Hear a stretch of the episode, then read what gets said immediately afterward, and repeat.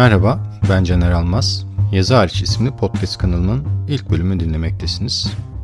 Podcast'in ilk bölümünün diğer konusuna geçelim isterseniz. Neden yazarız sorusu. Neden okuruz konusuna başlarken bir alıntıyla başlamıştım. Diliyorsanız bu konuya da bir alıntıyla başlayalım. Sadık Hidayet'in Kör Baykuş isimli romanından şöyle bir alıntı aldım. Şöyle diyor Sadık Hidayet. Sadece yazmaya ihtiyacım olduğu için yazıyorum. Ben muhtacım. Düşüncelerimle hayali varlığım arasında bağ kurmaya her zamankinden daha çok muhtacım. Bu kandilin önünde duvarda eğilen, sanki her yazdığımı dikkatlice okuyup yutan uğursuz gölgem için yazıyorum. Eminim bu gölge benden daha iyi anlıyordur yazdıklarımı. Sadece beni konuşmaya zorlayan kendi gölgemle konuşabiliyorum. Sadece beni o tanıyabilir ve eminim sadece beni o anlayabilir. Yazmak eylemine dair bu alıntıyı neden tercih ettim? Sadık Hidayet bu alıntıda kendi için yazdığını anlatıyor. Tabii ki bu roman karakterinin dillendirdiği bir şey. Her roman, her öykü karakteri yazarından izler barındırır diye düşünüyorum. Yani buradan şu noktaya ulaşabiliriz. Her e, yazan, yazma eylemini gerçekleştiren her kişi biraz kendi için yazıyordur. Kendi için yazmak yazma eyleminin bir sebebidir. Bu gayet geçerli ve sayılabilecek bir nedendir. Yazma eyleminin tek sebebinin bu olmadığını düşünüyorum. Herkesin, her yazarın farklı farklı kendince bu konuya cevap getirdiği, bu soruya cevap getirdiği açıklamaları vardır. Kendime sorduğumda neden yazıyorum diye sorduğumda evet yazıyorum.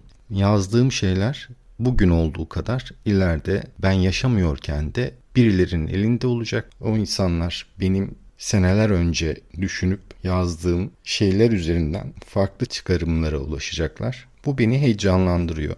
Dünyada yaşıyorken bir şeyler var etme uğraşının en somut ürünü bence yazmak. Bunun temelinde dünyaya bir iz bırakma çabası, telaşı, hatırlanmak, anılmak, anlatılmak, fark edilmek, daha sonra da fark edilme çabası olduğunu düşünüyorum.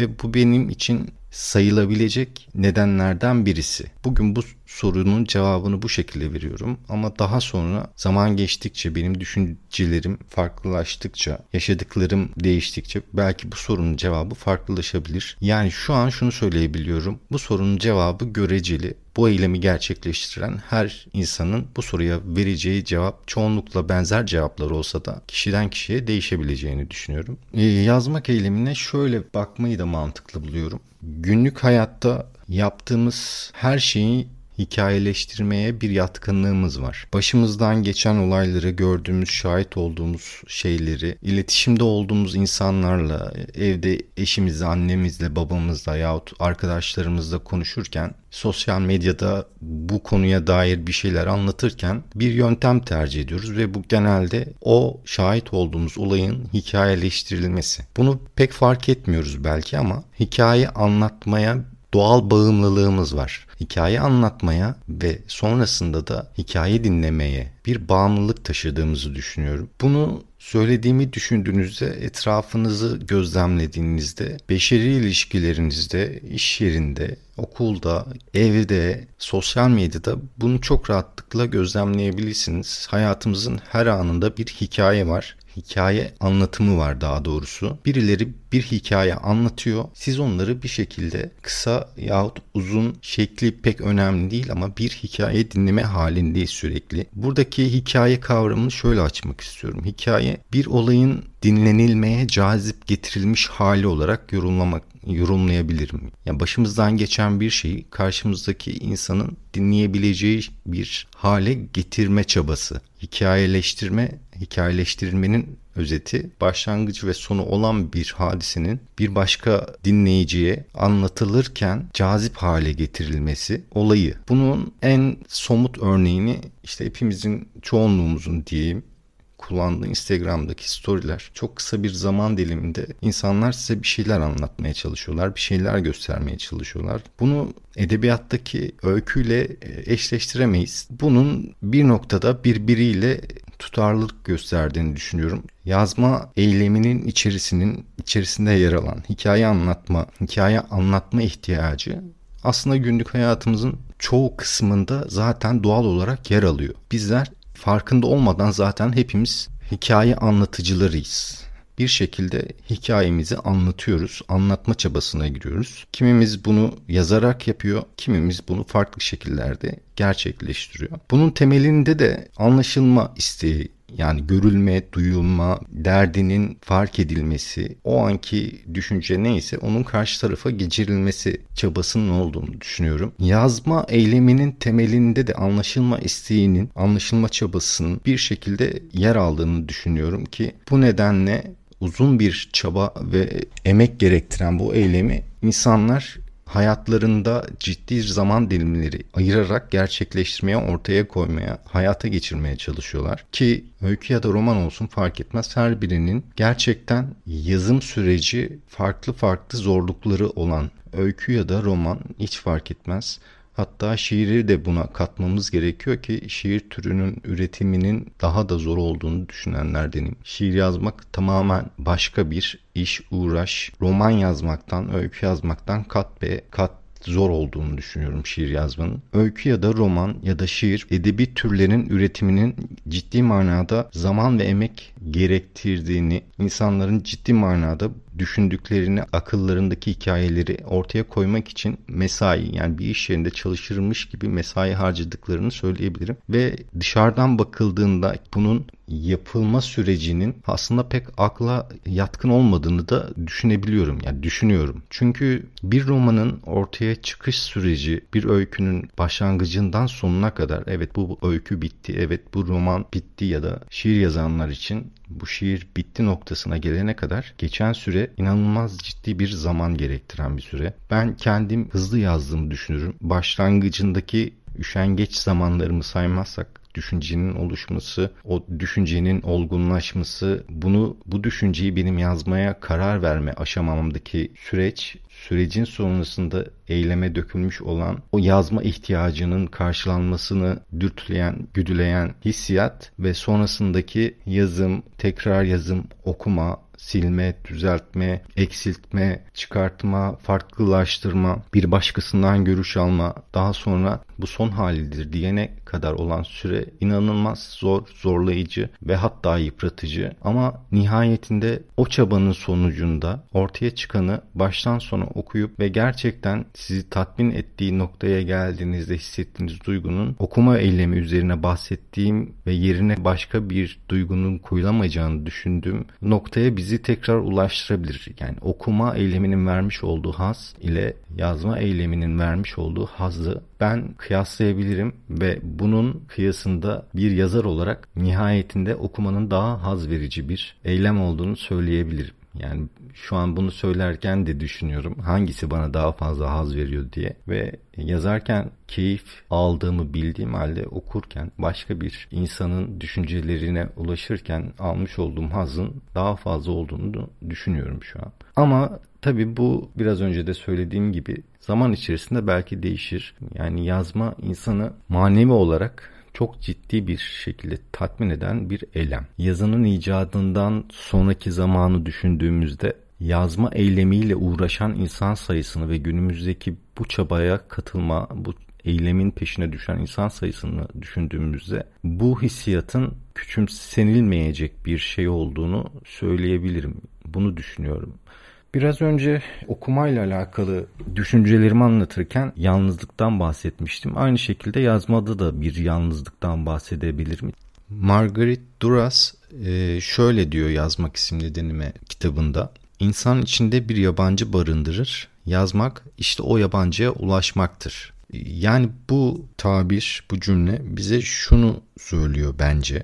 Yazarken Yazmaya karar verdiğimizde yazma düşüncesine, yazmaya değer bulduğumuz bir düşün, düşünceye, bir fikre yahut bir olaya şahit olduğumuzda o olayı ya da durumu anlatacak karakterlere ihtiyaç duyarız. Bu gerçek hayattan da bir karakter olabilir ya da sizin yarattığınız tamamen kurgusal bir karakter de olabilir. Bunu anlatırken çoğu yazar, çoğu yazar demeyeyim ben şöyle düşünüyorum bu konuda. Her yazar yaratmış olduğu karaktere kendinden bir şeyler muhakkak ki katar. Aslında yaratmış olduğu karakterde kendisinin içinde yabancılaşmış olduğu bir tarafı gerçekleştirmiş olduğunu düşünürüm. Yani bir yazarın bir karakteri oluştururken neler düşündüğünü, nasıl bu karakteri yaratmaya karar verdiğini düşünmeyi çok severim. Yani bu okuduğum tüm roman ve öykülerde sıklıkla başıma gelen bir şeydir. Yazarın o yazıyı, o metni yazarken düşündüğü karakterin nasıl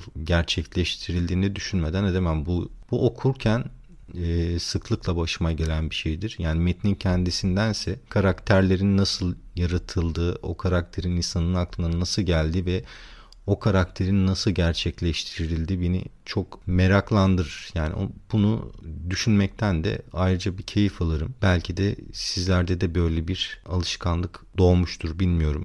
Yazar bir karakteri oluştururken kendisinden beslenir. Kendisinden beslendiği kadar da etrafındaki insanlardan yahut ideal olarak düşündüğü dünyadan, ideal dünya ya da ideal dünyasından faydalanır. Her yazar kendi tahayyülünde bir dünya tasarlar. O dünyaya karakterler yerleştirir. Aslında bu romanın yahut öykünün kuruluşuyla alakalıdır. Bir şeyi, bir olayı, bir düşünceyi yahut yaşadığınız, e, yaşanan yahut şahit olunan bir şeyi yazmaya karar verdiğinizde önce düşünce doğar. Bu çok heyecan verici bir düşünce olabilir ya çok sıradan gelen bir şey de olabilir. Her şeyin yazılabileceğini düşünüyorum ben. Her şey yazılabilir ama yazılan her şey okunabilir olmayabilir. Bu yazarın maharetiyle alakalı bir şey. Çok sıkıcı bir konuyu öyle bir şekilde işler ki yazar yazmanın sihirli bir şey olduğunu o an hissedersiniz. Yazmanın sihirli oluşu yani yaratıcılığın sihirli dokunuşu okumanın da sihirli gücünü oluşturur aslında. Yani başlangıçta bir düşünce ve sonrasında düşünceye bağlı olarak oluşturulan karakterler. Bu karakterlerin yaşayacağı dünya, yaşayacakları mekan, bunların yazma eyleminde baştan sona düşünülmesi ve insanileştirilmesi gerekiyor. Bu konuda yol ayrımlarının olduğunu söylemek mümkün. Çünkü ben gerçekçi bir üslupla yazmaya çalıştığım için yazılan her şeyin tahayyül edilebilen şeyler olması taraftarıyım. Bu tamamen yazmaya bakış açısıyla alakalı bir şey. Edebiyatta gerçekçi bir üslubun peşinden gitmeyi tercih ediyorum. Bu nedenle de yazdığım şeyin düşüncesinin, yarattığım karakterlerin, onların düşüncelerinin ve onlara kurmuş olduğum dünyaların gerçek bir dünya yahut gerçek karakterler, gerçek mekanlar olmasına gayret gösteriyorum. Bu noktada zaman algısı üzerinde farklı düşüncelere sahibim ama bu yazılacak şeyin içeriği yahut konusu geçeceği zamana bağlı olarak bu da değişkenlik gösterebiliyor. Tüm bunları yaparken bunların düşünce aşamasında olduğu zaman dahil bunları düşünen insan, yazar, yalnız ve bu süreci gerçekleştirdiği süre içerisinde de yalnız başına bir eylem gerçekleştirir. Yalnız başına gerçekleştirdiği bir eylem daha sonrasında kendisinde bittikten sonra yani o eser ortaya çıktıktan sonra okura ulaştığında sona ermemiş bir eylem olur. Yani yazar bir eylemi başlatır, kendinde o eylem sona erse dahi kendinde sona erdiği noktada ve bir şekilde o metin yayınlandıktan sonra o eylem kuyucu tarafında başka bir eyleme dönüşür ve bu bir sürecin doğal parçası olarak düşünebileceğimiz bir şey. Okuma eylemini gerçekleştirebilmek için temelde düşündüğümüzde yazılmış olan bir metnin elimizde hazır olması gerekir. Yani okuma eyleminin gerçekleşmesi için yazma eyleminin bir başkası tarafından gerçekleştirilmiş olması gerekir. Yani yazar başlangıçta yalnızdır evet ama bu süreç içerisinde Margaret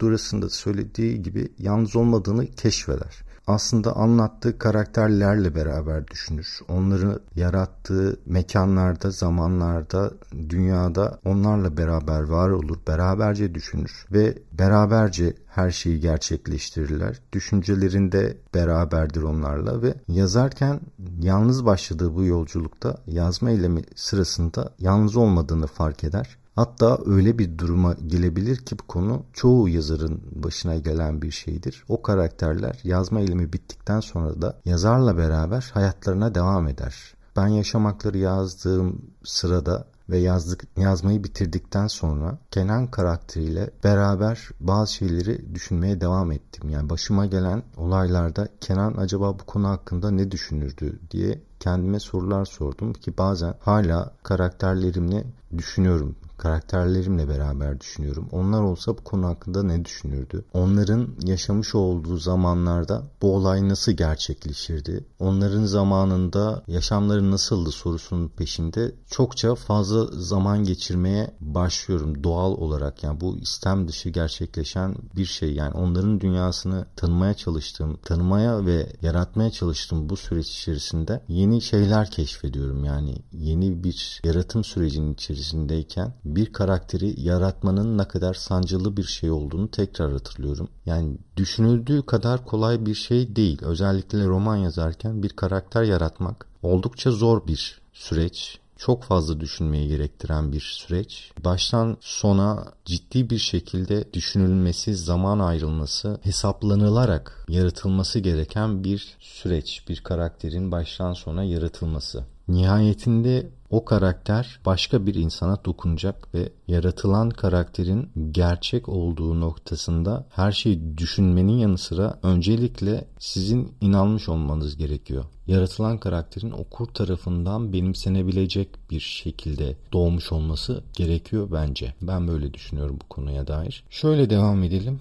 Bir alıntı ile devam etmek istiyorum. Tommy Sawyer'ın yazmak eylemine dair bir cümlesi. Belki de yazma eylemi şu ufak tefek insan bedeninin koskoca dünyaya açılmasını sağlıyordur. Yani başta bu konunun başında söylediğim gibi yaşamın sonu haricinde de hayattayken başka insanlara dokunma, onlara ulaşma, onlar tarafından anlaşılma, derdinizi ifade edebilme yollarından biridir ve ciddi manada karşılık görebileceğiniz bir eylemdir yazma eylemi. Çünkü yazdığınız ve yazdığınız şeylerin onlara ciddi manada zaman ayırarak kendi hayatlarından, kendi zamanlarından ciddi manada zaman ayırarak okuyan insanlara kendinizi açarsınız aslında. Kendinizin düşündüğü, hissettiği, kendi yarattığınız karakterlerin düşündüğü ve hissettiği duyguları bir başka insana ki şanslı yazarların ulaştığı okur kitlesinin çok fazla olduğunu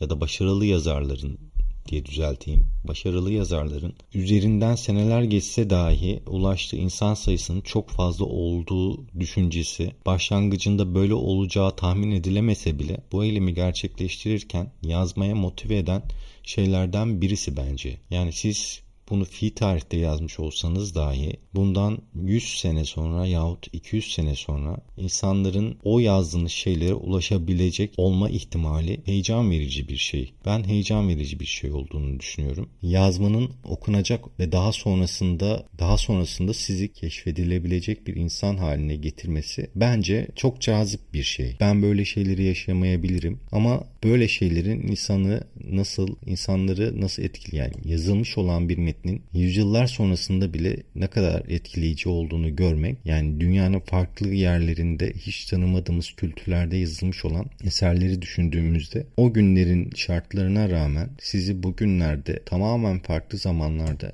etkiliyor olması bence inanılmaz etkileyici bir şey. Evet o yazarlar şu an hayatta değiller, öldüler ama unutulmadılar ve onların o günlerde düşündükleri düşünceler, kalem aldıkları şeyler bugün hayatta olan insanlara gerçek manada ilham verebiliyor. Onlara e, yüzyıllar öncesinden yol gösterici olabiliyor. Böyle örneklerin olması da yazma eyleminin motive edici yanında yer alıyor bana göre. Bu benim ilk podcast deneyimimdi. İlk defa bir podcast yayını hazırlıyorum ve bunu anlatıcı olarak sizlere ulaşıyorum. Kayıtta ufak tefek belki de büyükçe hatalar olabilir. Bunlar için şimdiden sizlerden özür diliyorum. Biraz önce sizlere söylediğim gibi yazı hariç at outlook.com bu podcast'in mail adresi. Ayrıca benim şahsi mail adresim ve internet sitem üzerinden bana ulaşabilirsiniz. Bu podcast'e dair düşüncelerinizi bana iletebilirsiniz. Ayrıca arkadaşlarınıza podcast'ten bahsederseniz sosyal medyadan da yazı hariç isimli sosyal medya hesaplarımızı takip ederseniz çok mutlu olurum. Sonraki bölümde tekrar görüşmek üzere. Hoşçakalın.